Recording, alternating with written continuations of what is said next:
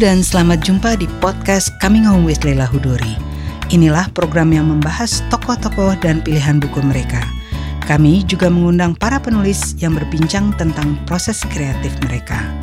Pada musim tayang kedua, kami akan menampilkan debat para tokoh dan buku-buku pilihannya.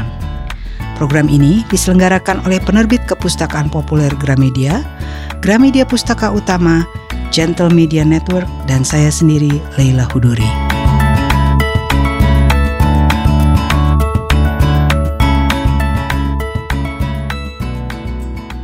Novel Call Me By Your Name karya Andre Asiman adalah salah satu novel yang melejit setelah diadaptasi menjadi film arahan sutradara Luca Guadagnino. Beberapa bulan lalu sequelnya lahir berjudul Find Me yang katanya akan diangkat menjadi film juga. Halo, selamat tahun baru, selamat bergabung kembali dengan podcast Coming Home with Leila Hudori. Kali ini saya ditemani sahabat saya, seorang sutradara film yang filmnya berjudul Love is a Bird, baru saja ditayangkan.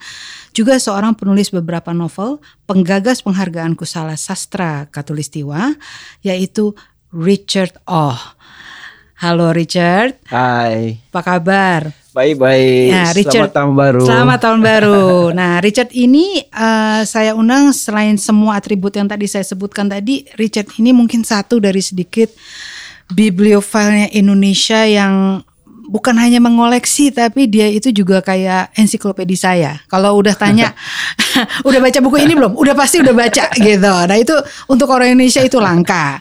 Nah ini buku uh, Call Me By Your Name, novel Call Me By Your Name dan Find Me. Ini akan kita diskusikan juga sebetulnya in relation dengan filmnya yang kemarin yeah. kelihatannya meledak betul gitu ya. Uh, kita komentar dulu kali ya uh, Richard. Uh, menurut Richard tuh novelnya sendiri nih. Yeah. Uh, nanti kita juga komentari filmnya yang settingnya 1983. Yeah. Ini gimana? Saya melihat mungkin kalau dibanding ya mm-hmm. dua dua novel itu ya. Oke. Okay. Call, Call Me by the by Your Name itu uh, boleh dianggap sekarang itu semacam novel cult okay. gitu ya. Oke. Okay. Dan saya pikir ada hal-hal yang sangat menarik dari novel Aciman yang pertama ini mm-hmm. ya mhm. dan saya bisa ngerti kenapa dia itu dianggap sebuah novel yang benar-benar crossover gitu loh. Oke. Okay. Crossover dalam pengertian kalau si pembacanya heteroseksual ataupun hmm. uh, orang biasa gitu ya, yeah. kita bisa pahami yeah. gitu karena yeah.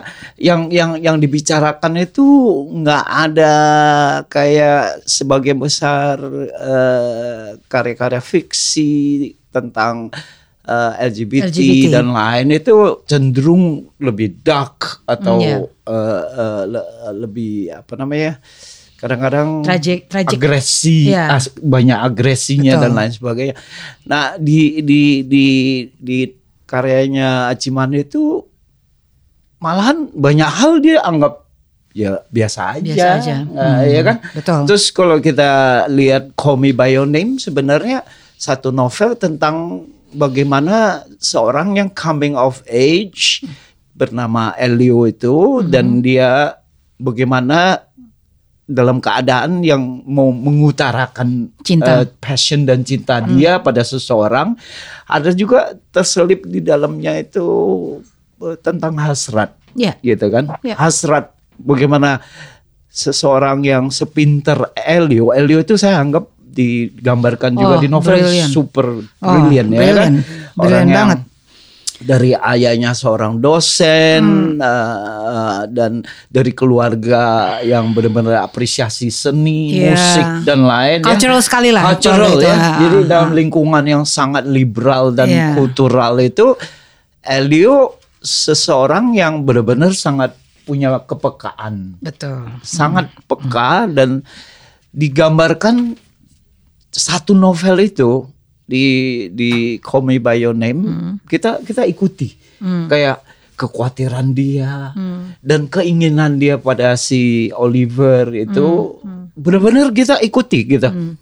uh, yang membuat novel pertama itu sangat-sangat menarik dan membuat kita ingin baca terus itu yaitu seperti gimana ya kalau kita nonton filmnya Wong Kar Wai In the Mood for Love, for love. gitu uh, itu bukan kayak cerita cintanya tapi menunggu apa yang hmm. akan terjadi the way suasananya ya suasananya Suasana. ambiannya hmm. yeah.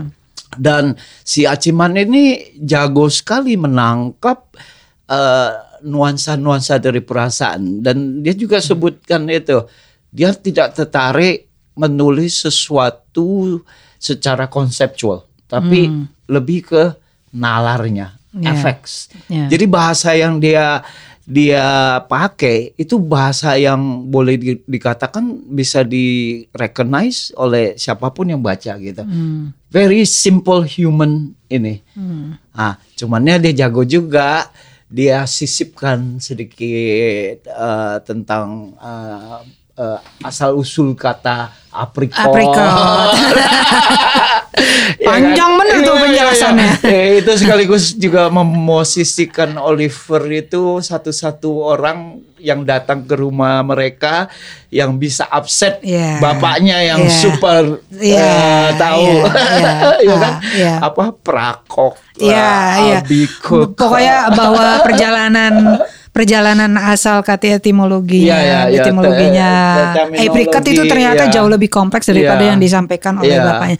Jadi kalau kita ringkas sedikit ya untuk uh. mereka yang belum membaca, ya. uh, ini sebenarnya simple ya. ya. Kalau kalaupun mau dicari-cari plotnya cuma tentang seorang uh, remaja berusia 16 yeah. tahun bernama Elliot yeah. Perman anak tunggal dari yeah. keluarga yang sangat cultural ya bapaknya yeah. seorang dosen uh, ibunya ibunya apa sih penerjemah ya kalau nggak salah ibunya si Anela Ibu, itu ibunya somehow di dua novel itu agak di pinggir-pinggir dari agak, semuanya agak. tapi, ya. uh, tapi sebetulnya katanya saya juga yeah. cek ini katanya ibunya sebenarnya Uh, setelah saya cari-cari betul, ibunya katanya penerjemah. Makanya kan di dalam film tuh ditambahin ada adegan dia menerjemahkan uh, bahasa dari bahasa Jerman. Ingat yeah, ya, yeah, ada yeah. satu yang dia bacain uh, yeah.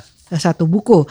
Uh, tapi yang penting sebenarnya di sini ya uh, ceritanya hanya itu tentang yeah. seorang remaja yang yeah. uh, pining over uh, yeah. someone who's a little bit older umur yeah. 24 dan betul-betul uh, dengan mudah dengan tidak mempersoalkan uh, apa sih apa sih nggak ada nggak ada apa sih persoalan pertanyaan identity gitu. Biasanya yeah. yang saya sering baca seperti tadi Richard yeah. bilang, kalau udah novel LGBT biasanya kalau dia sedang coming of age, yeah. pasti terus ada persoalan struggle, yeah. struggle di dalam diri bahwa kok yang saya sukai sosial ini iya sosial dan orang tua dan sebagainya. Itu. Biasanya tuh struggle-nya yeah. itu uh, yeah. pertama kepada dirinya, kok saya senangnya sama yeah. sesama jenis. Yeah. Biasanya kan begitu. Yeah, yeah.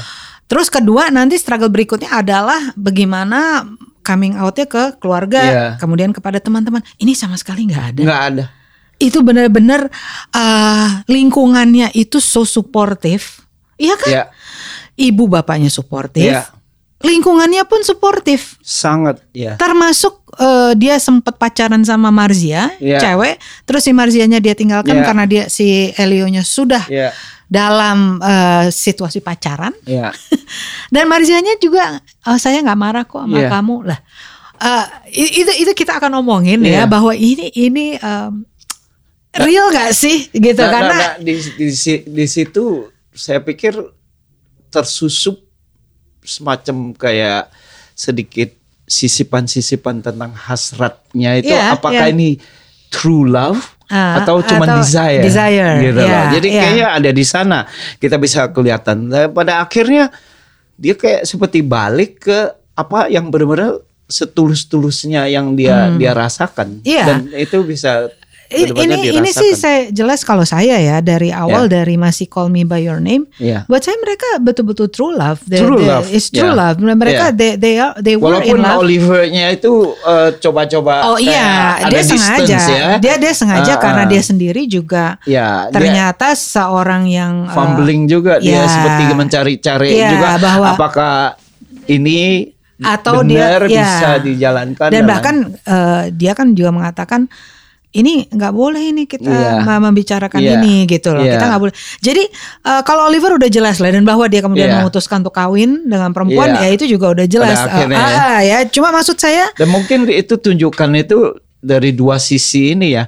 Elio yang tidak ada sesuatu yang bisa membuat dia takut. Kemudian mm. si Oliver yang lebih oh, sangat, well, ya. wiri, lebih ya. ngerti dunia ya, dan sehingga dia tahu akibat-akibat dari uh, satu hubungan yang yang bisa dijalankan seperti mereka.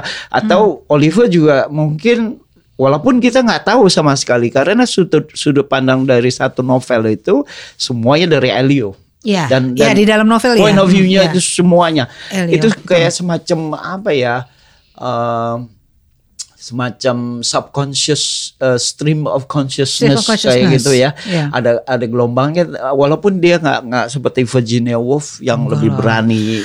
Dan Virginia Woolf ya. sangat Keren berat. Aduh. dia berani ya. Saya berbulan-bulan yeah. di kelas Dan, belajar itu iya. nggak nggak ngerti-ngerti. Uh, Kalau ini kan uh, dia Herta Müller nanti ya. Uh, kalau kamu baca Passport dan lain uh, itu karya-karyanya lebih gila lagi tapi dia lebih subtil dan dan dia masuk ke uh, uh, stream of consciousnessnya lebih lebih sophisticated. Contoh hmm. soalnya si perempuan yang sedang dipanggil uh, mau diperiksa interogasi oleh polisi itu uh, lewat penggambaran penguraian rambut seorang uh, ini penumpang di dalam uh, kereta itu oh. dia dia utarakan kekhawatirannya dan lain gitu. oh, gitu. Wow. Jadi dia dia lewat yeah. kayak gini-ginian ya yeah. yang lebih subtil gitu. Dan di sini lebih harafiah sih, lebih yeah, biasa, yeah. lebih organik dan dan, dan, dan banyak dan banyak sebenarnya dari ujung ke ujung di setiap yeah. bab itu adalah perasaan Elio setiap uh, tentang yeah uh, yeah. Oliver gitu yeah. dari sisi tubuh dari yeah. betul-betul fisikal tubuh kemudian yeah. wajah dan yeah. kalau masya Allah bahkan di beberapa bagian agak repetitif sih kalau mau yeah. mau jujur ya yeah. agak agak dragging ya agak, agak sampai kita sampai di beberapa bagian oke okay, I get it you love uh, him oke okay, yeah. udah gitu ya artinya uh, nggak uh, usah diulang gitu ya uh, uh, tapi uh, at the same time saya mencoba memahami memaklumi karena dia 16 tahun kan iya, ceritanya. Yeah, Jadi mungkin usia 16 tahun ya memang seperti itu yeah. gitu. Kalau udah jatuh cinta sama orang yeah. terus aja gitu oh, oh. fokusnya nggak berubah. Nah, yeah. sekarang saya mau sedikit nih sebelum kita ke yeah. Find Me ya ke ke sequelnya, uh. saya mau uh, sedikit bicarakan filmnya. Yeah. Uh, saya mau berangkatnya dari begini. Waktu itu uh, ada seorang kawan yang udah almarhum. Yeah. Uh, setelah menyaksikan sebuah film Indonesia, uh, yang diangkat dari sebuah novel hmm. ya uh, dia mengatakan begini ke saya mungkin nggak sih sebuah film itu lebih bagus daripada novelnya setelah kita sama-sama menyaksikan film ini yeah. Iya. uh, saya saya nggak berani mengucapkan judulnya karena nggak enak. Tapi uh, sebenarnya the point is more about the kons uh, apa konsep itu mungkin nggak. Nah lalu saya mengatakan sama dia, Menurut saya sih mungkin aja karena saya ingat di masa lalu di tahun yeah. 80-an saya merasa badai pasti berlalunya Teguh Karya hmm. itu lebih bagus daripada yeah. novelnya. Meskipun novelnya pun novelnya juga saya enjoy, yeah. tapi begitu saya menyaksikan filmnya, yeah saya bilang gini gila nih Pak yeah. Teguh karena dia memberi konteks, dia memberi Bener. background kepada tokoh-tokohnya sementara di novel yeah. enggak. Jadi uh, dan sementara film tersebut yang yeah. baru itu uh, itu juga begitu sutradaranya memberikan yeah. konteks kepada uh, yeah. tokoh-tokoh yang, yang di mana di di di novelnya enggak ada. Yeah. Nah, saya mau tanya sama Richard mm. ketika menyaksikan film ini pendapat Richard gimana? Karena nah, biasanya orang tuh suka mengeluh lebih bagus novelnya daripada yeah. filmnya gitu. Kalau menurut Richard gimana? Jadi kejadian seperti itu udah sering terjadi ya. kadang kadang-kadang novelisnya mungkin beruntung kalau filmnya jadi bagus uh, yeah. sekali ya. Yeah. Contoh soalnya Out of Africa yang begitu oh. keren ya ya.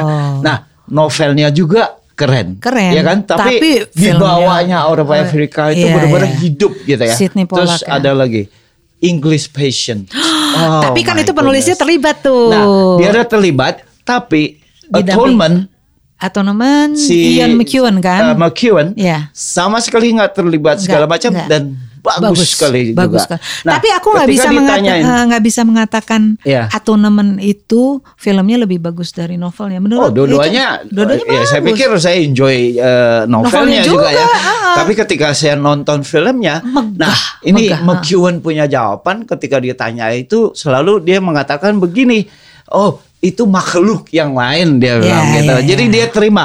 Nah, kemudian Gabriel Garcia Marquez uh, apa in the time of cholera, cholera. love in the love time, in the time of, of cholera, cholera. Ah. jelek bukan jelek. main. Jelek. Jelek jelek. bukan main. I was surprised. I thought you were gonna say bagus. Because aku gak suka banget filmnya. Jelek banget. Ih. Nggak kita rasakan kan uh, sama orang yang tua itu sama ini. jelek dia bukan main. Itu nah, emang tapi susah nah, tuh bikin film. Nah, anyway. i, i, i, itu di situ. Makanya si uh, McEwan itu uh, dia jago. Dia bilang uh, if you love uh, the film adapted from dari novel dia uh, enjoy it but uh, it's a different creature dia mm -hmm. bilang gitu kan dan mm. saya pikir mestinya melihatnya kayak gitu gitu yeah, kan yeah. adaptasi itu berarti kan dia harus bawa ini ya yang yang di uh, Call Me by Your Name itu cukup true to the novel cukup, ya. Cukup bahkan ya? diskusinya ah. dialognya banyak yang diambil dari novel. Skenario nya itu dari siapa? Dari James, James Ivory. Ivory.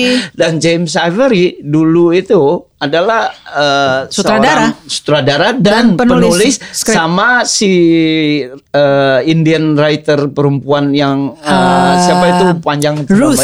Ruth. Ruth. Prawa, pra, pra, Prawa susah, Gitu Pokoknya ya. Ruth dah ya, depannya. Ah, mereka itu bawa bawa banyak novelnya E.M. Foster yes, jadi yes. film dan bagus-bagus semuanya rata-rata uh, ya. Uh, apa sih apa India itu? Passage to India. Passage to India terus ada lagi banyak lah. Uh, uh, uh, a room um, a room uh, I can't E. remember. Foster. Iya, pokoknya oh, E.M. Foster lah. Uh, bukan room of one's nah, own wait. Jadi uh. jadi yang yang seperti kayak gitu-gitu saya pikir itu dari dari satu masa Apakah ke masa uh, si penulisnya itu beruntung mendapatkan penulis nah, skenario yang tepat ya? Well tergantung juga interpretasinya kan yeah, gitu kan. Yeah. Di sini kalau ditanya saya, saya pikir si Luka mendapat sebagian besar dari ambiennya, setting dan karakternya yang kuat dari si yeah. si uh, Timothée yeah, Timothée Chalamet. Uh, Chalamet dan lain segala macam hmm. ya aktor bapaknya dan lain. Tapi dia punya kedalaman jiwa dari novel itu. Hmm.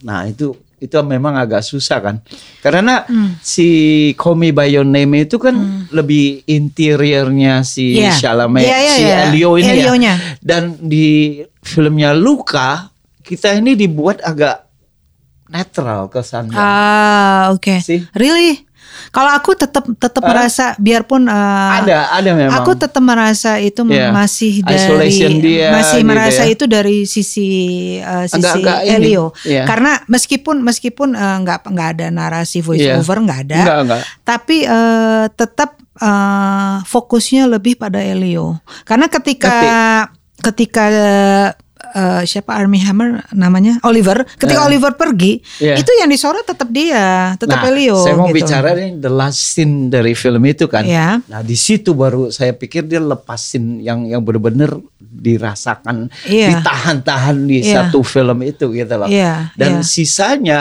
memang kita lihat semuanya seperti jalan. Kita lihat si Chalamet juga nggak kelihatan terlalu ekspresif dan hmm. itu dijagain. Saya pikir itu strategi dari Luka hmm. un, uh, interpretasi dari satu karya yang intinya sangat interior. Iya. Sebagian iya, besar iya, itu iya. ya. Sangat interior. Um, Dan itu susah itu. Oke, okay, kalau saya boleh sedikit hmm. mengingatkan, menurut yeah. saya tuh cara dia menggambarkan interiornya, hmm. ya, yeah, yeah.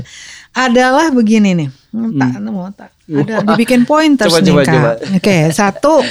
yeah. Uh, sebel, sebelum uh, sebelumnya saya akan menyatakan ini spoiler yeah. alert jadi kepada mereka yang belum menyaksikan film atau membaca dan keberatan harus dimatiin dulu. Uh, pertama itu uh, misalnya ketika dia kan udah tertarik dari awal itu uh. selalu diperlihatkannya dari gesture yeah. ya dari gesture uh, dia dia nih uh, pernah menyatakan bahwa dia sudah jatuh cinta dengan sosok Timothée Chalamet yeah. sejak beberapa tahun sebelumnya. Yeah. Jadi uh, udah berapa tahun sebelumnya dia udah bilang kamu harus main film ini, mm. gitu. Dan si Timothée oke okay, gitu. Tapi saya merasa justru dia yang memang cocok karena uh, dari awal itu kameranya betul-betul uh, close up terus ke dia dan kadang kadang-kadang bahkan kalau Richard pasti ingat yeah. ketika dia habis menyorot patung-patung Greek itu yeah. kemudian terus langsung pindah ke yeah. Uh, apa namanya wajahnya yeah. Timothée Chalamet yang yang memang juga sangat kayak patung Greek gitu yeah, lah. Yeah. Itu satu. Yeah. Kedua, hmm, itu si sutradaranya itu sangat uh, menggunakan Timothée Chalamet the whole thing karena sebenarnya di dalam buku ini dia hanya bisa piano yeah. dan bahasa Italia dan bahasa Inggris. Hmm. Tapi karena dan, si Timothée Chalamet bisa bahasa Prancis, yeah. dimasukin juga. Yeah. Tokoh ceweknya dia ganti jadi yeah. Prancis kan gitu. Jadi he was adapting accordingly to yeah. Timothée Chalamet's uh, dan dan film dan cerita di novel ini nggak banyak kejadian yang kayak heboh heboh nggak ada, nggak ada gak sama ada. sekali kan nggak ada cuma dari riak riak aja riak, kayak nah, ah, gitu loh nah itu nah, itu yang itu. tadi saya mau yang, so, ya, yang saya mau juga sampaikan yeah. dia itu kan uh, si Oliver itu kan uh, sedang studi Heraklitus yeah ya kan dan Heraklitus itu kan uh, pernah di situ di, di, diucapkan apa yang disebut yang yeah. disampaikan oleh Heraklitus bahwa you cannot look twice at the same river yeah. ya kan itu For, itu interpretasi Heraklitus tapi dari si Oliver bahwa kontinuitas itu adalah infinitas. Infinitas ya, ya infinity. Bukan nah, perubahan nah, yang ini. Itu itu kan dibaca dia si uh, Elio membaca. Dia yeah. membaca kan, dia yeah. membaca bukunya Oliver tapi suaranya adalah suara Oliver. Yeah. Cuman yang membaca adalah si Elio. Yeah. Dan setelah itu saya perhatiin ya suara-suara audio yang keluar itu adalah audio air gitu. Yeah. Jadi air kemudian yeah. musiknya itu musik yang kayak suara air, yeah. ya kan? Yeah. Terus kemudian shot-shotnya itu juga shot di yeah. river gitu loh. Jadi itu itu kalau di kajian film disebutnya akusmatik. Akusmatik itu adalah ketika visual dimasukin uh, suara yang di luar dari apa yang di di dihantarkan. Ah. Jadi sehingga waktu itu jadi tiba-tiba terbuka nah, dan dan, iya. dan ada ada persilangan gitu. Nah, aku mas, saya aku mas, mengartikan itu uh, suara tadi ya. uh, apa tadi namanya aqua. Aku aku itu E C O U S M A TI. Oh, bukan aqua ya. Aku, aku pikir karena air.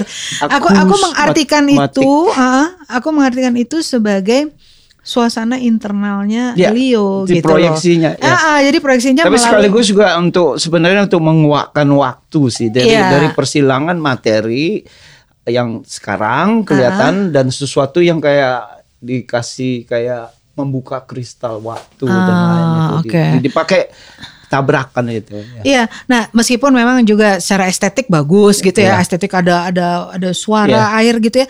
Tapi terus aku pikir oh ini caranya Luka itu hmm. Internalisasinya Elio yang sedang yeah. jatuh cinta dan dia setiap lima menit have you seen Oliver yeah. have you seen Oliver dia kan bolak balik nungguin yeah. Oliver terus dan Olivernya ngilang ngilang ngilang terus nah. dia kan berjarak terus yeah. gitu itu buat saya itu yeah. lagi menunjukkan gejolaknya Elio saya saya, gitu. saya melihatnya itu kan cara dia menyampaikan itu sangat subtil sampai ke endingnya itu baru ada pelepasan yeah, yang yang satu yeah. start uh, emosinya shot yang yeah. itu nggak benar-benar dia keluar uh. sambil kredit titlenya muncul yeah, yang gitu. dia menangis gitu. Wah, itu benar-benar kayak lepas uh. pokoknya.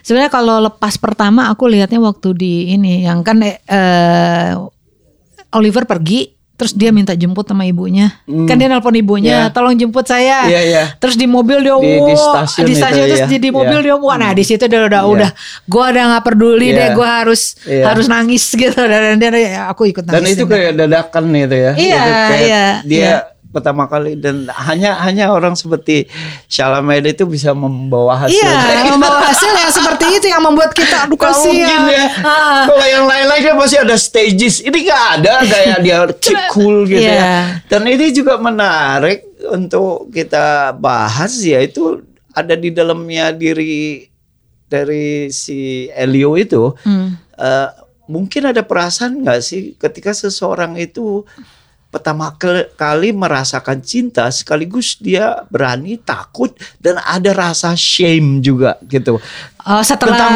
tentang dirinya iya. yang mau lepas kayak iya, iya, antara iya. dia mau lepas karena bayangkan kenapa dia itu di, dijadikan karakter yang kuasai musik hmm. Berarti kan orang yang uh, sangat kontrol. Ya, bisa mengontrol ya. Kontrol emotionally atau apa ya, segala. Dan ya. itu dia kayak mau lepas nggak lepas, hmm. mau lepas nggak lepas. Hmm. Itu yang membuat satu novel itu sangat hmm. menarik hmm. gitu kan.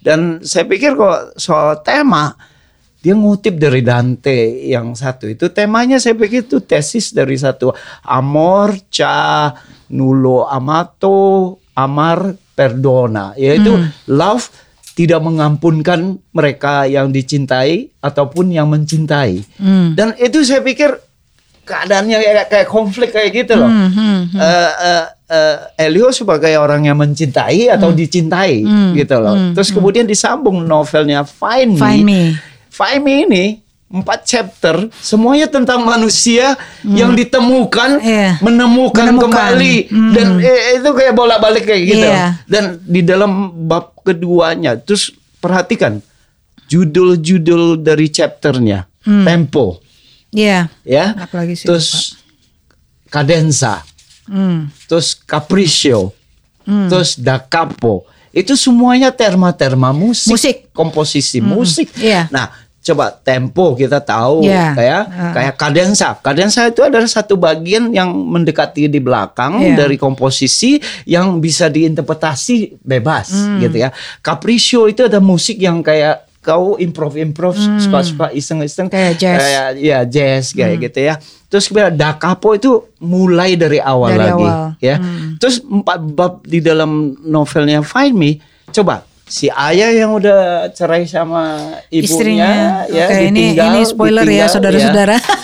Saya pikir spoiler itu sebenarnya tidak se hip ataupun menaklukkan seperti iya, kebanyakan saya sih enggak, tapi saya, saya sih saya sih enggak, buat tapi, saya tetap saya mau iya, ngalami karena uh, detail dari satu karya itu hmm, nggak bisa di kita ringkas yeah. mau sampai besok kita bahas uh, dua karya hmm. ini atau film ini dan itu nggak habis. Oke, okay, semoga Joko Anwar mendengar ini. karena kalau dia lagi ngomongin yeah, filmnya itu mesti rahasia banget. Saya pikir kenapa harus kayak gitu ya? Orang kalau udah bicarain malah saya jadi tertarik. Coba hmm. yang seperti tadi Leila jelas jelasin short by short detail dari hmm. interioritas hmm. itu detail kayak gitu yang menarik untuk hmm. dibahas. Yeah. Nah, okay. jadi jadi kalau Kembali. Find Me itu juga hmm. uh, tema-tema. Terus kemudian di hmm. dalam Call Me by Your Name, hmm. dia kutip-kutip kayak good uh, tentang uh, apa namanya betapa uh, semua semua sebelum kita menemukan seseorang itu adalah kayak waktu yang tersia-sia ya terus kemudian kalau kita perhatikan itu tema-tema itu disisip kadang-kadang lewat sedikit kutipan ini hmm, dan itu hmm, gitu ya. Hmm. Uh, si Roland Barthes itu di Lovers Discourse juga pernah membicarakan ketika kita mencintai seseorang hmm. uh, kita menggambarkan orang yang kita cintain dengan the the hmm. terus setelah udah lewat jadi e hmm. Bayangkan kurang ajar gak? Uh, Mas Prus bilang uh, apa orang yang kita cintain bertahun-tahun uh, setelah semua selesai segala macam kok tiba-tiba orang itu tidak menarik sama sih belum tentu secantik yang kita ya, pertama kali. Terus emang. Ada kayak gini-ginian ya. Tapi gitu, uh, si Luka itu mengatakan ya. hmm, ketika dia tertarik untuk mengangkat ini menjadi film, ini saya hmm. kutip nih dia bilang uh, this this novel is uh, Prussian, Proust, yeah. uh, apa mengikuti Prussian, ya yeah. Prussian. Uh, about remembering the past and yeah. indulging in the melancholy yeah. of lost things. Yeah. Nah, yeah. menurut Richard setuju nggak itu? Nah, bahwa co coba si Andrea Simane itu siapa? Dia ahli Proust. Iya, I know, I know. Ha. Ahli teori sastra. Iya. Jadi yang dimasukkan di dalam itu yang membuat dia tertarik, saya pikir bagaimana memori dan sebenarnya dia sangat tertarik pada sesuatu yang dia anggap uh, bukan sesuatu yang terproyeksi di masa depan atau apa, tapi sesuatu yang kejadian sekarang itu bagaimana dia terpisah dari the past, hmm. the present, dan hmm. bagaimana ada sesuatu yang baru gitu loh. Hmm. Dan seperti di Find Me, Find Me basically novel yang uh, boleh dikatakan termasuk ayahnya si Sammy Samuel hmm. itu ditemukan oleh seseorang si yang Miranda. dia tunggu Miranda dan itu bab yang paling menarik bukan masa oke okay. buat gue sih karena yang lain lain lainnya agak buat saya agak dragging dan uh, oh, wow. dia dia balik contoh soalnya sangat sedikit sekali ya ini spoiler lagi apa -apa. mereka nanti akan reuni antara Oliver dan, dan ini Elio tapi hanya di di bab terakhir. Ditaruh bab nah, terakhir. Nah, coba lihat. Si Elio kita tahu ayahnya datang untuk men Ini kita udah ngomongin Find Me ya, ya berarti ya. ya Oke. Okay. Find Me. Hmm. Uh, uh, sedikit jam ke hmm, sana hmm, kalau mau balik lagi. Nggak apa-apa. Jadi uh, ayahnya mau bertemu dengan anaknya dan itu rutinitas dia datang ke hmm. ke Roma dan lain terus tiba-tiba ada Miranda yang kayak bertemu di kereta api ini orang yang kayak apa ya impulsif yeah, dan yeah. passionate dan dia and young by the way very young yeah. gitu ada berapa puluh tahun punya uh. perbedaannya hmm. dan antara mereka terus dia nggak percaya bahwa ada orang yang tertarik sama yang dia ini kan nah hmm. itu juga fine find me gitu kan. Hmm. Terus kemudian kita lihat kemudian si Elio, Elio.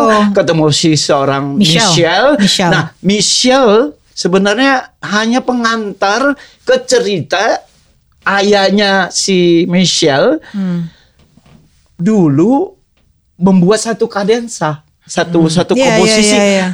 oleh si Leon. Yeah. Dan di yeah. situ diguling-guling sama si Elio ternyata mungkin ayahnya dulu gay. Gay hmm. dan jatuh yeah. cinta sama Leon. Yeah. Yeah. Nah, di situ itu juga ada terus ini. Tapi dari Elio dari hubungan yang dia menganggap ketemu si Michelle hanya supaya mengantar ke kangennya pada Oliver. Oliver. Hmm. Cuma dia nggak tahu sih mereka dan, akan ketemu ya.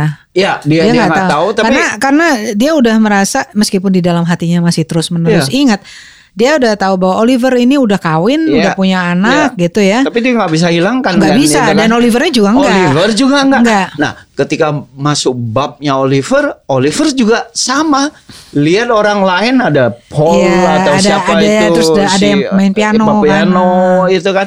Terus kemudian, nah kayak gitu. Jadi Find Me mereka nggak ke mana-mana tapi dua cinta itu kayak semacam keter entanglement dari partikel yang yeah. terpisah tapi hmm. tetap aja ber, ber, bervibrasi. Gitu. Nah tapi nggak diceritain ya bagaimana mereka ketemu ya. Jadi all of a sudden di bab keempat udah jadi, dia di rumah udah, itu udah, ah, udah. ayahnya sudah meninggal, sudah meninggal dan adiknya dinamakan uh, Oliver, Oliver juga dan uh, Miranda juga udah nggak tahu ke mana gak tahu, uh, dan mereka itu ketemu. Dan saya pikir itu dan bukan ketemu aja udah. Ya, ya artinya udah dalam situasi live together, live together gitu ya dan, jadi dan, kita dan si Oliver juga udah tinggalin semuanya ya, dan ya. akhirnya de decide.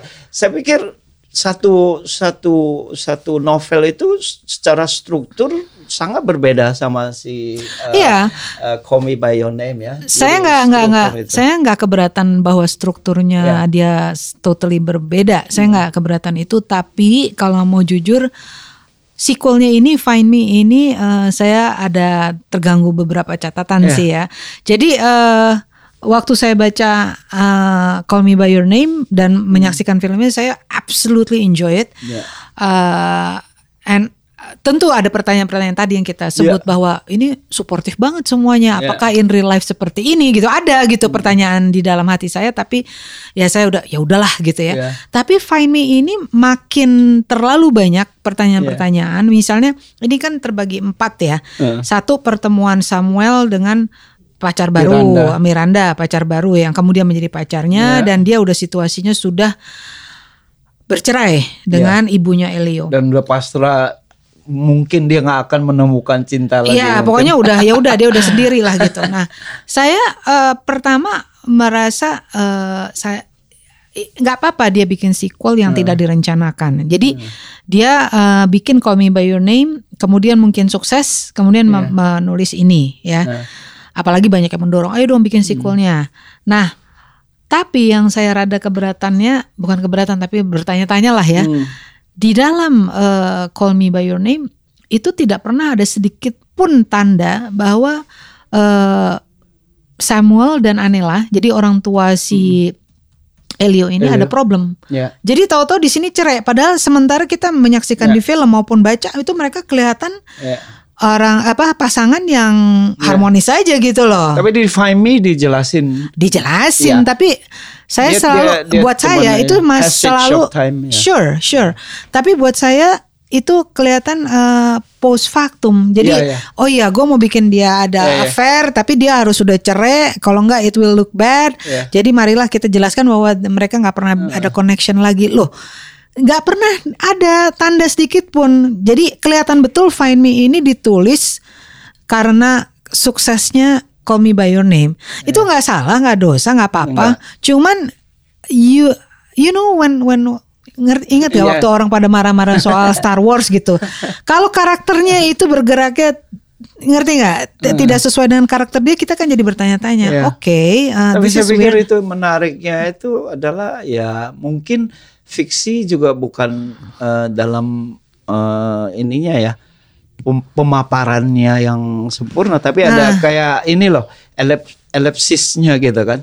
Nah, elipsisnya juga saya pikir menarik karena di novel pertama kita tahu ibunya itu sangat nggak berperan dan di sini pun yang kedua dia itu kalau invest lagi bicarain ke ibunya, saya pikir juga agak-agak awkward ya. Karena di novel pertama ibunya itu kayak pemeriah Iya, iya, pokoknya she has to be there. Tapi iya, there, memang gitu. uh, dan memang tapi, uh, tapi dikasih lihat Elio tuh jauh lebih dekat, dekat sama bapaknya. Iya, bapaknya. Itu betul. Hmm. They have a special walk, oh, iya. and mereka selalu kalau walk, iya. kalau jalan selalu mempunyai uh, uh. apa sih tradisi iya. untuk untuk uh, apa membicarakan uh. kenangan mereka dan seterusnya. Uh. Itu I, I, I get that. Cuman saya tetap Dua-dua merasa. novelnya sebenarnya kalau kamu berpikir, Define Me memperkenalkan perempuan satu karakter perempuan mm. tapi sangat laki-laki bukan semuanya yang iya iya yang si, si Miranda sih. Miranda begitu laki-laki uh. Miranda juga laki-laki uh. nah terus the other thing uh, yang saya juga agak ya bertanya-tanya bahwa ini semua tokoh dia tuh extremely cultural, Extreme, yeah. very cultural. Yeah. All of them read so well, all of them yeah. know classical music, all yeah. of them. Jadi kayak kalau misalnya kita ngobrol, Yeah. Kita nggak usah bahkan nggak usah nanya lagi bahwa lo udah baca ini. Lo kayaknya they have read everything in the yeah. world gitu. Jadi aku merasa sometimes a little bit inhuman gitu. Yeah. Uh, uh, it, yeah, ini yeah. aja yang terutama yang define me ya, terutama yeah. define me. Terus um, ketika masuk ke Elio di dalam Find Me Elio dengan Michelle I couldn't care less loh. No. Ya. I couldn't. Gak ada chemistry-nya, ah, gak, yang, gak ada spark Yang yang Michelle sama itu kan. Yeah. Jadi jadi oke okay, mereka bertemu yeah. udah gitu si Michelle-nya sama seperti yeah. waktu Miranda ketemu sama yeah. uh, Mas Samuel aduh gue udah lebih tua uh. dari lo gue udah lebih tua yeah. itu terus and I was like uh. oke okay, ini nih sebenarnya karakter yang mungkin sambil lewat supaya nanti dia ketemu Oliver yeah. ternyata panjang banget panjang. panjang nah panjang itu mungkin karena semacam ini kunci dari kayak ini loh jadi karakter ini masing-masing kayak uh, apa ya semacam uh, sounding board mm, gitu. Yeah. Miranda cerminkan sesuatu yang di lost yang nggak yeah, pernah yang tidak pernah ditemukan Sammy, oleh Sammy. Ya. And Terus I kemudian, found you.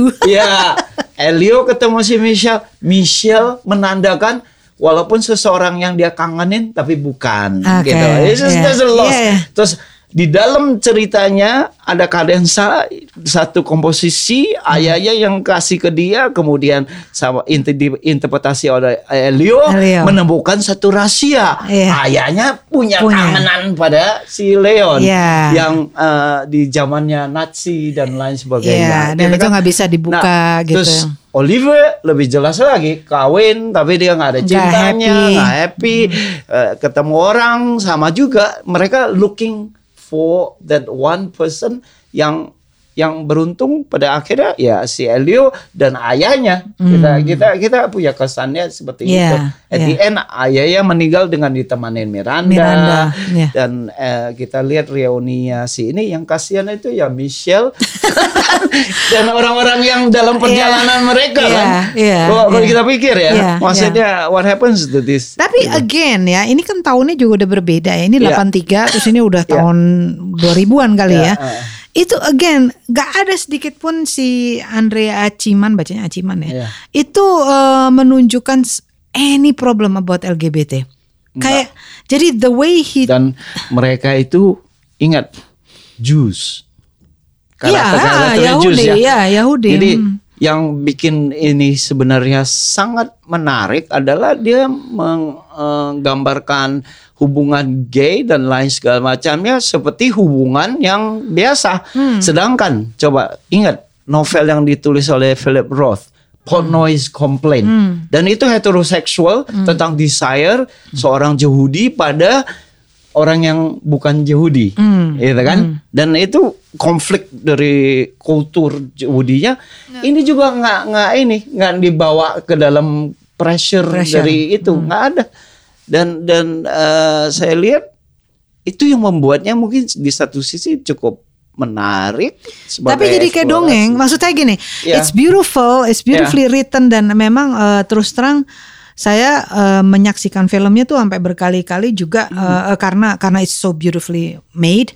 Hmm. Tapi ya itu mungkin uh, ada sebagian orang yang tidak tidak apa ya tidak impress karena karena merasa tidak real bahwa iya. nggak yeah. mungkin lah hidup gay seperti yeah. itu nggak uh, usah nggak usah Indonesia almost ya, idyllic gitu ya it's so idyllic it's so utopis yeah, gitu yeah. bahwa lo hidup di keluarga yang so supportive uh. and then lingkungan lo juga supportive yeah. gitu jadi uh, ya saya sih happy melihatnya saya senang hmm. tapi at the same time hmm kita kalau di Indonesia nggak usah di Indonesia di mana yang nyebut gay yeah. aja kita udah selalu kayak, udah agak uh, oke okay, agak ah, there's there's a problem because people do not accept it yeah. some people do not accept it atau baca puisinya si Nor Norman itu oh. penuh dengan kesedihan yeah, yeah. yang yeah, kayak yeah, keinginan yeah. bunuh diri yeah, dan yeah. Ya, jadi tema-tema gitu iya jadi apa namanya uh, waktu menyaksikan iya waktu saya menyaksikan itu uh, ya bertanya-tanya aja. Sementara kan Luka sendiri gay ya. Yeah. Nah dia sengaja, oh saya ingat nih satu lagi. Uh, kan ini mengeritik si James Ivory-nya, dia menulis skripnya. Yeah. Sebenarnya uh, di dalam skrip dia yeah. itu ada adegan seksnya. Yeah. Artinya seks yang lengkap gitu ya. Dibuang sama dia dibuang deh, ya. sama dia di hmm. di apa pennya terus kemudian yeah. ke, ke ke pohon saya, ke kebun gitu. Saya pikir itu strategi bagus. Yeah. Karena kalau dia kasih grafik uh, seks di dalam film itu bagaimana interior worldnya si betul, si, si betul. Elio bisa dipertahankan yeah. dan menjadi misteri buat kita juga kan. Iya. Kalau saya nggak keberatan saya itu, itu saya nggak keberatan hmm.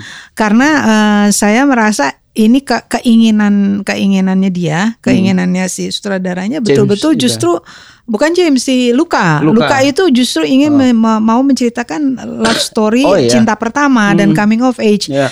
Jadi uh, dia dia khawatir kalau misalnya ini interpretasi saya. Yeah. Kalau misalnya itu dimasukkan itu hmm. uh, grafik seksnya, itu Selesai. dia khawatir ah udah orang lebih merhatiin itu yeah. gitu ya. Yeah. Nah, tapi kan uh, uh, menurut pengakuan di wawancaranya yeah. si James Ivory dia uh, merasa that's phony karena menurut dia kalau yang namanya uh, film gay LGBT itu ya kalau memang ada adegan seks yeah. ya harus ada gitu dan kalau filmnya apa Cino Cruising uh, dia bermain sebagai gay okay. dan bagaimana dia seks scenes-nya oh, itu ngeri uh. dan dan saya pikir uh, ya saya pikir strategi tergantung orientasi dari film itu mau dibuat kayak gimana ya. Yeah. Karena kita kalau saya sih setuju sama Luka aja. Karena kalau diintroduce diperkenalkan semua seksi ini itu hancur semuanya. Hmm. Kerangka dari ketegangan antara kita nggak tahu hubungannya yang yeah. yang jadi atau hmm. enggak ini hmm. Uh, dan itu kan di antara uh, maybe yeah, mereka, mereka maju mundur maju mundur terus mundur, kan? ya. Dan saya juga tadi bicara tentang, tentang in the mood uh, for, for love, love dan itu ketegangannya kita rasakan sampai fan panasnya, ya, panas. tunggunya hmm. itu ya momen-momen itu saya pikir itu yang membuat dia jadi sizzling. Hmm. Kalau diintroduce graphic sex di sana nah, ya udah ya. ya udah iya, selesai. Ngomong-ngomong di Find Me kalau jadikan sequel saya mungkin nggak begitu tertarik ya filmnya. Iya uh, saya Karena, juga enggak. Iya kan? Enggak. Saya saya melihatnya dia fragment uh, fragmented atau kecuali si Luka bisa punya satu solusi dan yang membuat kita terpesona dengan uh, uh, Call Me By Your Name adalah ya saya saya pikir karena cinta pertama fokusnya iya, juga itu dan di Elio dia punya tension, ketegangan yang na natural, tapi hmm. kita rasakan itu di, dijaga sampai sampai sampai, sampai terakhir kan. Iya, di, iya. di speech terakhir iya. ayahnya itu dahsyat sekali itu. itu. Jadi kalau nih kita hitung-hitung ya adegan-adegan di novel maupun yang uh, yang tetap dipertahankan iya, di film. Yang penting-penting itu ya. ya. Ah, yang penting ini nih ya. Saya saya saya saya iya. udah bikin. Uh, Pertama yeah. menurut saya pernyataan cinta Elio di depan yeah. uh, patung Battle of Piaf. Yeah yeah. itu gila yeah. itu gila karena monolog gitu ya monolog dan itu kalau di film cuma satu shot kan yeah. dibikin satu yeah. shot gitu ya yeah.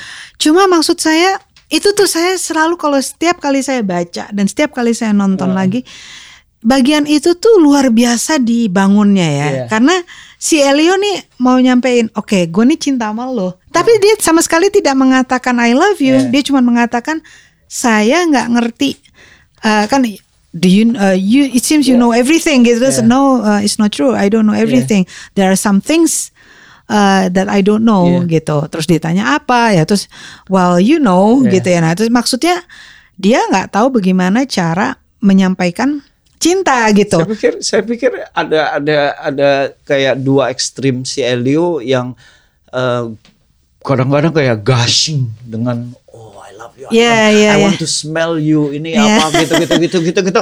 Dan itu kadang-kadang itu bacanya kita juga aduh capek banget ya. Tapi uh, uh, kadang-kadang dia itu kayak control balik lagi. Iya. Yeah, Matilah yeah. kau. Saya nggak perlu kamu. Uh. Pergilah kamu itu uh. dan uh, biarkan Iya, tipikal dia Jadi remaja. Kayak, dia remaja soalnya. Uh. He's still 16 years old ya. ya. Dan ada ada Tapi ba ba bagusnya itu. itu kan di novel ya. Kalau di yeah. film ditunjukkannya dengan begini. Yeah. Dia diam-diam masuk ke kamarnya yeah. Oliver. Terus celananya si cium, Oliver dia ambil. Terus dia dia masukin ke kepalanya. you know, it, yeah. that that is so yeah. cinematic yeah. gitu loh. Jadi artinya kita kita oh wow. Dan, dan yang he's so in love with this guy nah, gitu. Di, di di film itu works, dia nggak kasih kita ekspresi Elio yang berlebihan. Uh, Malahan kayak flat. Uh, iya, flat iya, uh, mukanya gitu, iya. nggak kayak orang horny banget enggak, enggak, apa enggak. enggak cuman natural kayak yeah. natural ya, dia Dan, masuk terus iya, dia ini ada celana iya. terus itu celana-celananya iya. si Oliver semua disorot satu-satu kan iya. ada yang warna merah ada yang warna kuning iya. di semua disorot satu-satu itu iya. kan point of view-nya Elio iya, kan Elio. Ah, terus gimana uh, dua-duanya hmm. saling mencoba bikin the other cemburu Yeah. Jadi si Elio sengaja dance sama cewek. Udah uh. gitu si Oliver dance sama cewek yeah. lain, ciuman sama cewek yeah. lain. Iya kan? Itu permainan game itu kan yeah. di dalam film luar yeah. biasa tuh dan kita udah yeah. oh my god, ini dua udahlah cepetan aja gitu kan. Nah, nah itu juga serat-serat yang yang tadi kita bahas itu tentang emotional gushing gitu ya. Mm. Yang yang kita temukan di Call Me By Your Name mm. itu natural buat kita tapi di Find Me oh, ketika God. dia mulai gushing itu agak awkward gitu perasaannya. Yeah, because he's 32 kayak, years old. He's 32 years old and he's not he's not supposed to be uh, kayak gitu. Mestinya uh, dia udah sedikit lebih mature dan Bukan dia aja, ayahnya oh, juga ayahnya. begitu. Bapaknya Bapaknya sama itu loh, itu di situnya saya jadi kayak oh Bapaknya udah 60 goodness. something kan ya? ya? Udah dan dan dan ketika saya baca dialog-dialog dia deskripsikan dan uh, utarakan kepada si Miranda segala macam uh. itu saya pikir oh gila tapi ya, tapi ya by the way just just to be to be nah, fair just to be fair uh. barangkali ada loh 60 60 years old Anda. guy yang kayak begitu ya apalagi apalagi karena Anda. this really young woman ya, tapi kan kalau kita bicara sastra loh. kita bicara sastra dan uh, saya ngerti nih dan saya pelajari nih di, di dua buku itu di, uh. di mana kira-kira yang natural dan uh, tidak dibuat-buat itu di di di compare sedikit sama akademik sesuatu yang literary hmm, hmm. dan lain sebagainya bisa punya kombinasi yang menarik di Find Me uh, Call Me by Your Name tapi di Find Me itu kayak full flat yeah. gitu loh dan uh, dia kayak Miranda natural paper karakter gitu iya paper. Uh, jadi dia, jadi nggak real. nggak real gitu nggak real. Dan aku nggak percaya kayak that kind of dialogue. Uh. you, you uh, oke okay dah. Di keseharian mungkin kita katakan tapi ketika kamu udah masuk ke dalam satu buku sastra dan bukannya perlu juga kita seratnya itu di di di, di agak di fine tune yeah, untuk untuk yeah. uh, keselarasannya, yeah, betul, keseimbangan dari dunia itu ya.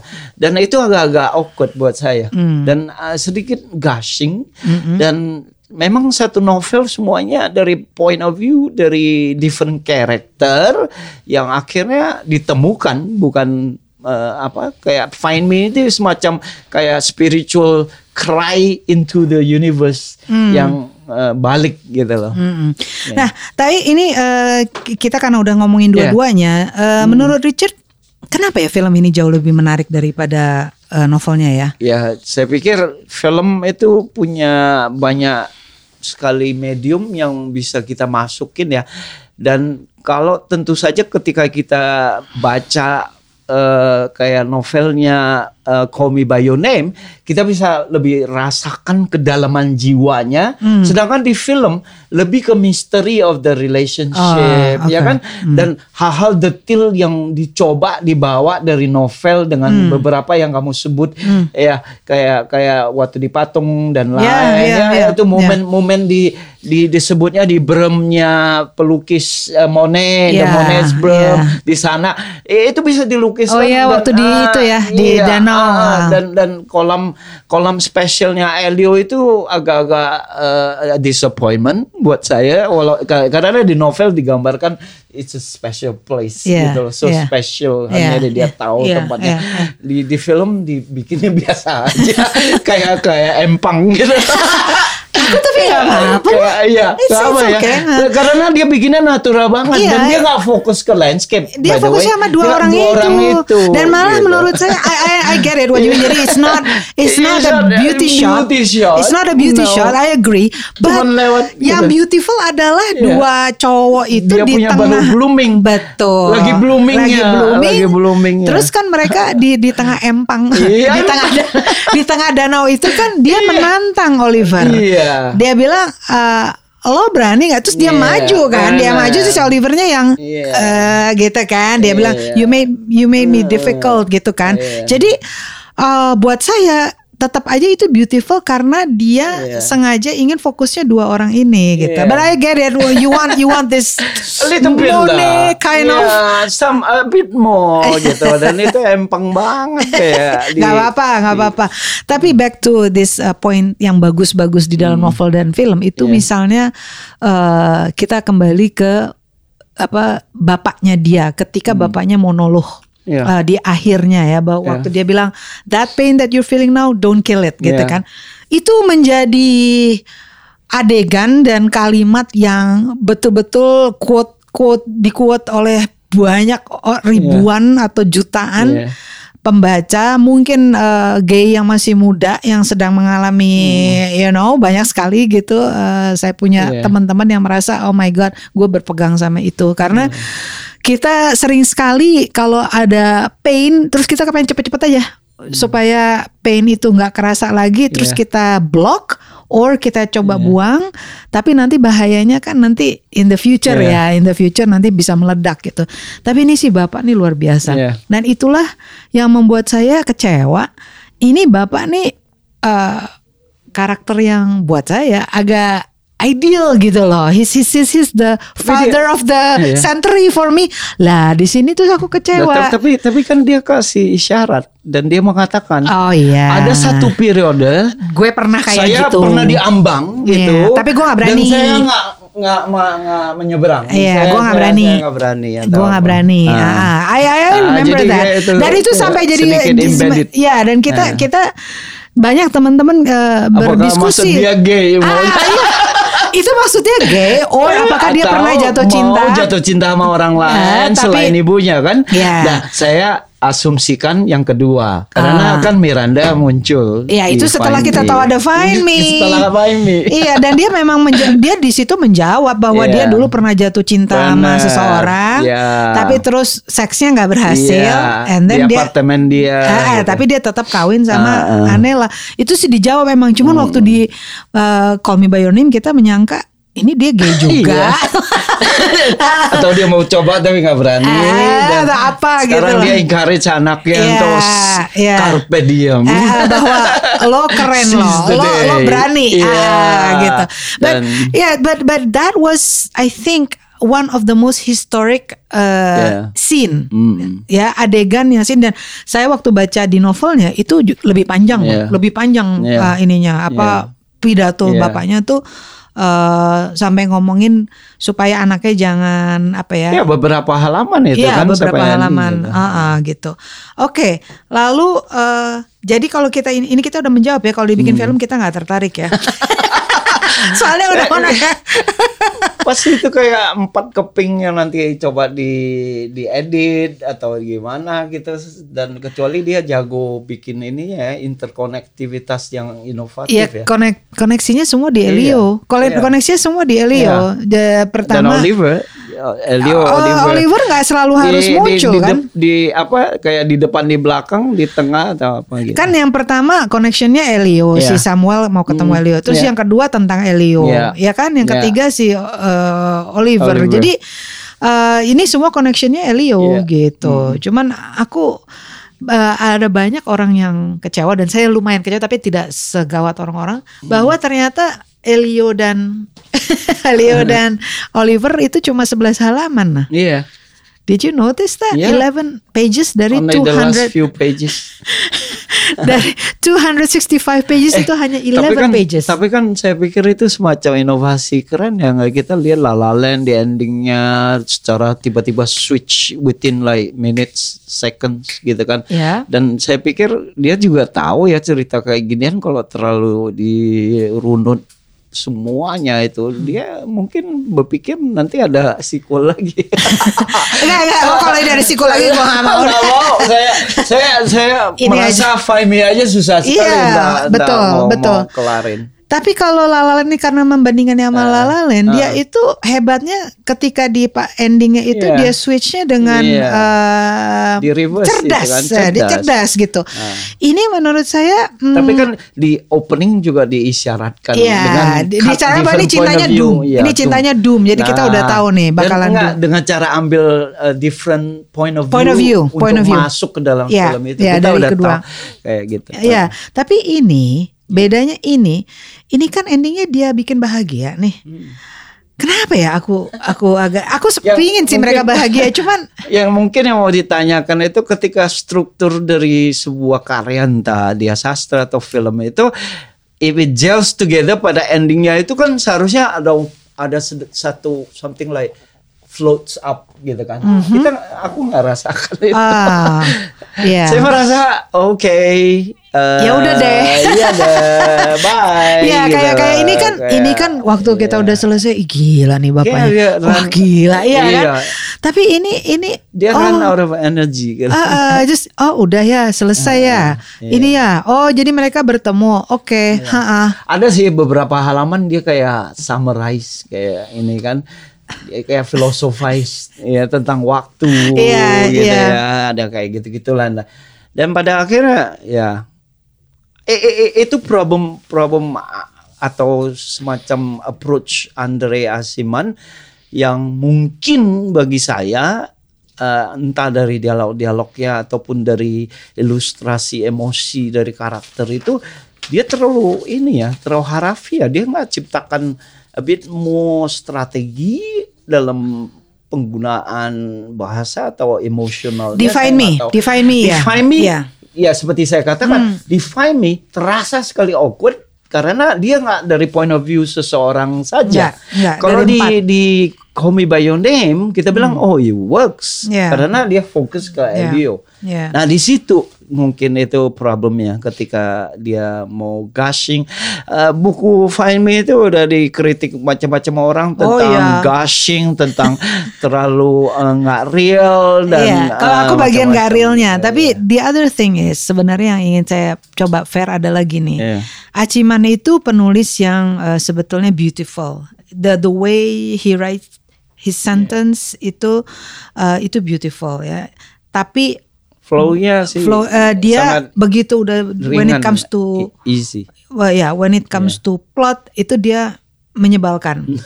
jengkel, bikin orang jengkel gitu. Karena uh, ya terutama yang Find Me ini kita uh. saya nggak ngerti kenapa dia memutuskan bahwa oke, okay, gue mau bikin sesuatu yang mengejutkan yang mungkin tidak populer yaitu gue mau bikin si uh, Samuel itu cerai sama Anela ya. Uh, meskipun tadi Richard udah mengatakan yeah. udah dikasih tanda-tanda waktu tanda -tanda. dia ah, bahwa dia sebetulnya pernah jatuh cinta yeah. sama seseorang. Itu satu. Kedua uh, ini dia kayaknya agak obses dengan persoalan younger and much older uh, partner ya. Iya kan berkali-kali dia ngomongin youth, itu yang yeah. Youth bahwa oh I'm so yeah. old and you're so young. Why do you wanna be with me? Itu ini, ini itu sebenarnya konstruk penulis-penulis kayak masih kan ya Death in Venice Iya, oh my si god Thomas Tadzio. Mann, ya. Tadzio ya, ya. and and siapa itu Isi, uh, Asemba. Iya, kayaknya ada semacam kayak uh, yang semakin tua, they long for the youth dan the beauty. I get it, tapi kenapa terus gitu. menerus uh, uh, apa degrading yourself? Saya, saya, saya pikir kalau di Sammy itu dia nggak menduga tadinya kan uh, approach dia pada perempuannya sampai dia pegang rambutnya pun dia takut hmm. apakah itu udah ofensif yeah. dan lain. Jadi dia seseorang yang sebenarnya mungkin selama ini tidak tidak mendapatkan satu cinta yang dia angan-angankan sejak dulu mungkin and then it happens gitu hmm. toward the end of his life dan itu the surprising elementnya gitu loh. Oke. Okay. Nah, jadi kita sama-sama sepakat sebetulnya sequel ini Gak perlu ada ya. What do you think? Saya, What do you think? Saya saya merasa do you, do cukup you? cukup dengan uh, Call Me by Your Name Call aja me, ya. ya sama. Karena Find Me ya, setuju, setuju. Artinya gini, we um, there are some parts that I I still enjoy, some parts saja, tapi as a hmm. whole enggak lah enggak usah gitu. Jadi kalau sampat saya itu mungkin uh, TikTok TikTok pada awalnya dari si oh, Miranda, ini Miranda sama, sama itu. Ya. Tapi setelah beberapa ini dia ngulang-ulang Iya, gitu dia ya. ngulang-ulang dan hmm. dan yang yang saya makin jerit-jerit waktu hmm. baca itu adalah Ya itu hanya jam-jam pertama loh mereka iya. bilang, oh ya kita bikin matching tattoo, iya, oh ya kita bikin gelas, gelas Berasa bersama. Oh, bawa eh. saya ke apartemen the lobby di mana kau temu cinta kau pertama. Coba kau ulangi lakukan. Oh, what? itu jam-jam pertama loh. Jam-jam yeah. pertama. It's like yeah. no. I mean kadang-kadang kita adventurous ya lagi di Eropa tuh. Ya. Tapi gak, gak, kayak gini juga gitu. Kinky juga kurang dark. kalau Kiki, kalau Kiki sekalian itu yeah. apa Paris apa? Yeah. Uh, Marlon Brando aku lupa. Uh, tango. Tango, last Tango in sekalian yang kayak gitu. Wah, itu itu lebih punya gila. rasa itu ya. Uh -uh. Oke. Okay. Atau, atau Love Me If You Dare gitu. sekalian yang sinting kalau mau. Iya.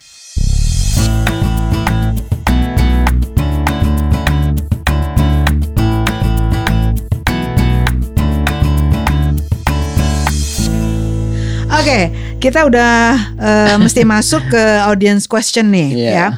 Uh, dari at Jadi Adi. Oh, Jedai kali ya. Jadi Adi. Mengapa cara memahami karya oh, Hemingway, Carver uh, berbeda dengan menikmati sastra Indonesia? Hemingway cover kita mesti ngerti itu cover mem, uh, belajar dari Hemingway dan Hemingway belajar dari Gertrude Stein. Stein. Dan itu yang pertama yang disebutnya uh, minimalisme yang dalam pengertian begini. Semua kata sifat adjektif itu dibuang dan mereka tidak juga menggunakan adverb. Kata apa itu? Kata peng, penguat kata kan mereka nggak pakai kata sifat. Uh, hmm. Ya, nggak hmm. ada adjektif, nggak ada adverb. hmm. gitu. Kenapa?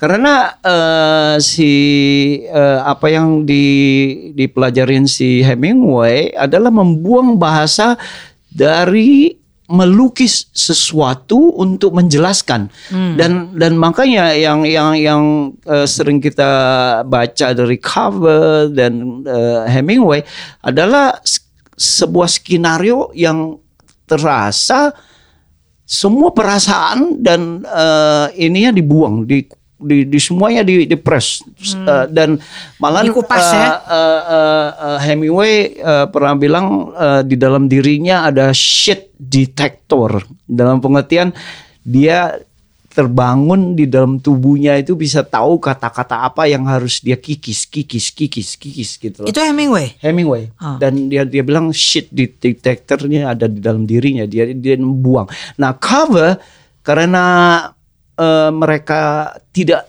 bisa mengenjoy uh, proses penulisan. Karena bisa bayangkan ya, kalau kita menulis satu novel berapa ratus halaman dan kita harus bisa menahan diri kita itu menggambarkan sesuatu yang kita nikmati dan hanya supaya si pembaca itu bisa merasakan gitu loh. Hmm. Bukan di diberitahukan. Jadi itu kan berarti tekanannya itu besar sekali. Ka yeah. Kava akhirnya jadi pemabok dan lain ya, dan hidupnya itu uh, kacau sekali. Beda contoh soalnya kalau kita baca kayak Willem Faulkner dan lain, mereka itu jauh lebih ke subconscious, campur aduk hmm. aksen hmm. dan dan dan kata-kata dan itu lebih bebas ya. Nah semua orang Indonesia yang, gimana? Ya, hmm. semua orang yang yang akhirnya satu generasi termasuk saya yang belajar penulisan pengarangan di Amerika itu kita jadi korban-korban yang akhirnya yang disebutnya uh, creative writing workshop factory gitu, oh. gitu, pabrik-pabrik itu karena uh, uh, uh, uh, uh, hal-hal yang yang kita diajarin itu seperti kayak gitu. Nah kalau di Indonesia, saya melihat kadang-kadang nggak uh, nggak ada semacam sistemasi di dalam uh, uh, apa peng, penguraian sebuah novel, hmm. uh, strategi apa yang diinovasi apa, hmm. kita nggak ada kayak semacam uh, dilineasi atau genealogi dari penulis-penulisnya walaupun kita bisa ambil ya macam-macam kayak Hamzah Rangkuti cerpennya uh, dengan cara ini dan hmm. uh, penulis lain hmm. Pramudia bagaimana hmm. atau Leila gimana dan masing-masing kan ada, ada genealogi ya. Yeah. Nah Hero Bloom itu me menyatakan uh, penulis sastra itu ada dua genealogi sebelah kiri Shakespeare sebagai hmm. uh, ketua RT-nya ya ya terus sebelah kanan Gogol. Hmm. Jadi Gogol itu yang kemudian turun itu uh, Gabriel Garcia Marquez, hmm. uh, Jose Saramago. Yeah. Sebelah kiri itu Chekhov, Hemingway hmm. dan termasuk Lela saya pikir dan lainnya. Karena di sebelah kiri itu cenderung ambil hal-hal yang kayak keseharian, hmm. uh, hal-hal yang realistik. Hmm. Walaupun cara pengupasan realismenya masing-masing berbeda tapi hmm. mereka itu di di di, di kiri hmm. gitu.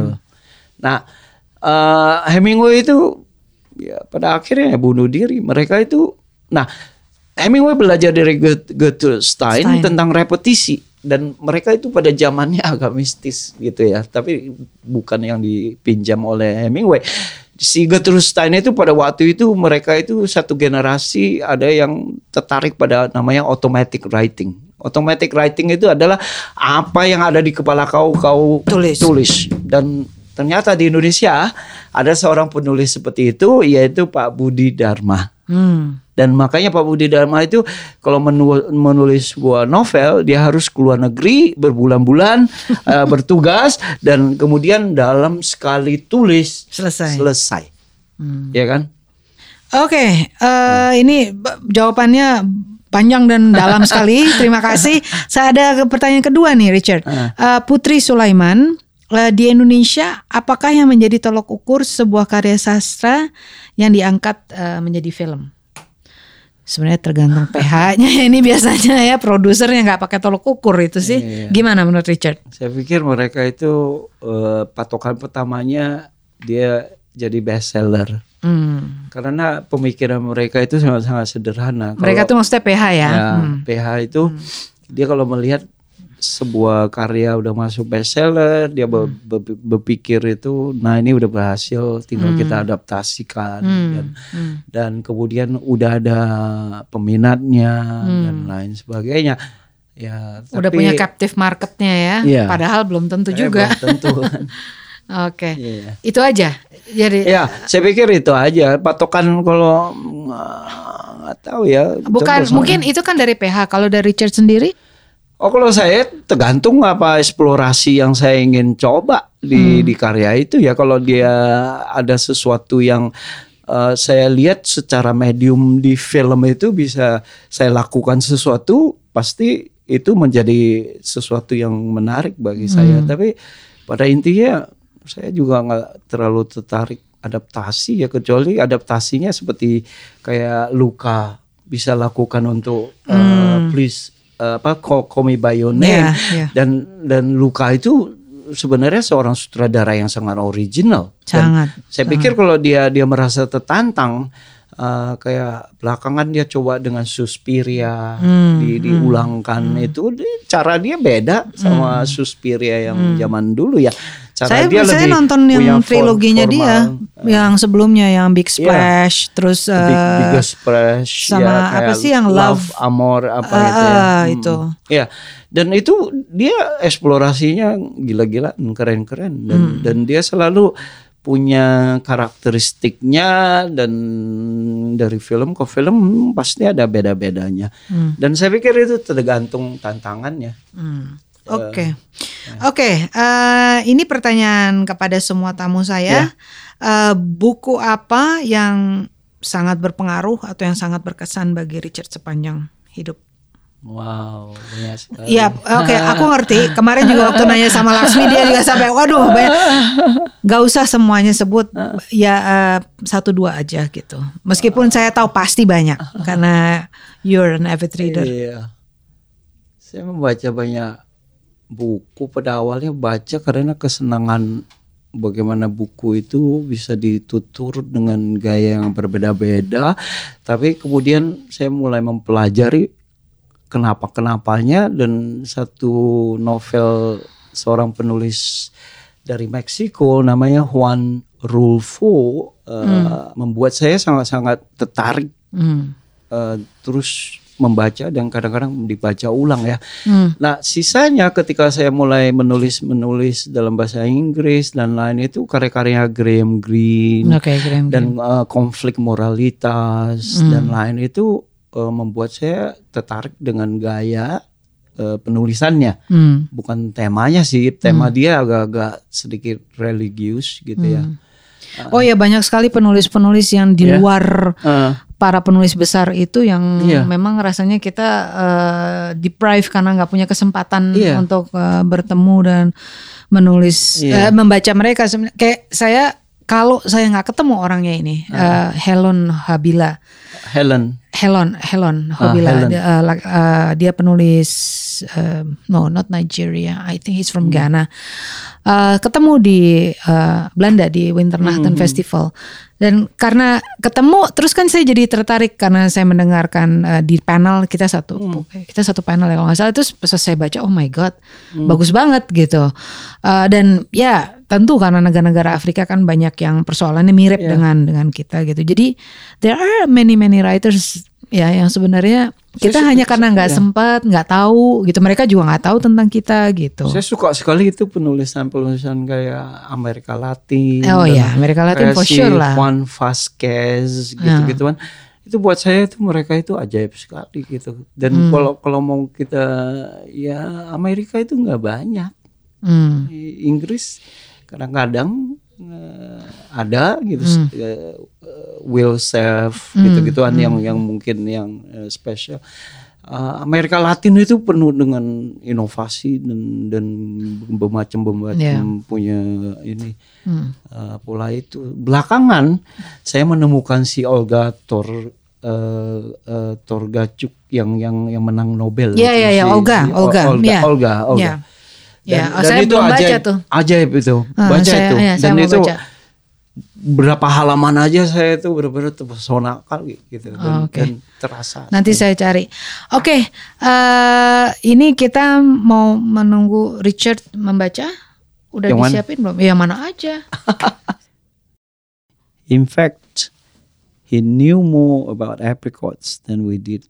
Their grafts, etymology, origins, fortunes in and around the Mediterranean.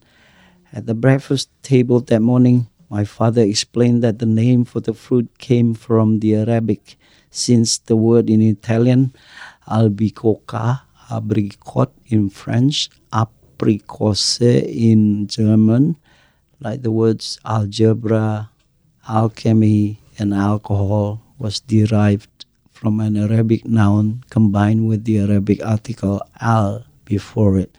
The origin of albicoca was albicirc my father, who couldn't resist not living well enough alone and needed to top his entire performance with a little Philip of more recent vintage, added that what was truly amazing was that in Israel and in many Arab countries nowadays, the fruit is referred to by a totally different name, mishmish.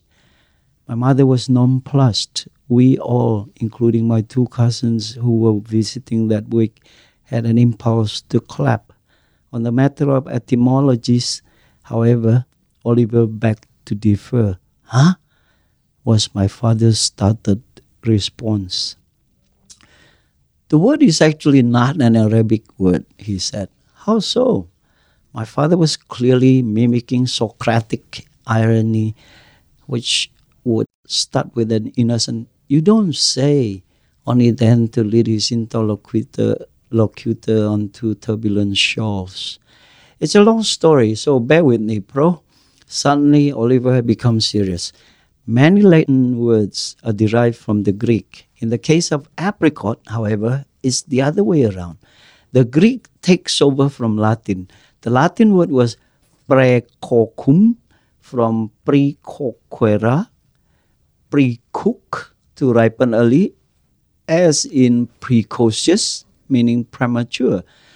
The Byzantines borrowed precox and it became precocia or berikoki, which is finally how the Arabs must have inherited it as al-birkuk. Oke, terima kasih banget Richard udah datang dan ngobrolin memuji dan mengeritik karya-karyanya Andre Aciman. Tapi biar bagaimana kita sama-sama menikmati ya sebetulnya ya karya-karya dia. Kapan-kapan saya todong lagi ya untuk datang ke sini lagi.